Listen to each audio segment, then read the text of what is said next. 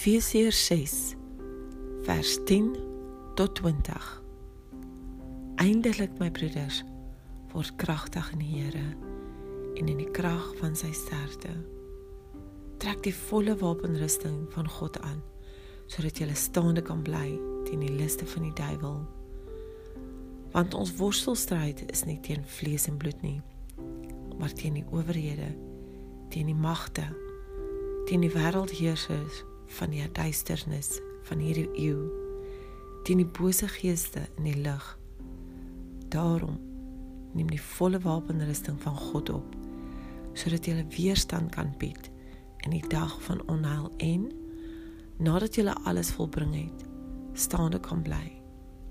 Staan dan vas julle lendene met die waarheid omgord met die borswapen van die geregtigheid aan en as skoene aan julle voete die bereidheid vir die evangelie van vrede.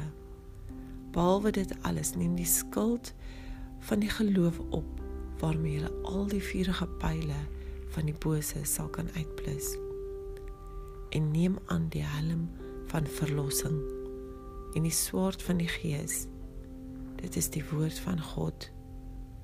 Terwyl jy met alle gebed en smeking by elke geleentheid bid in die gees.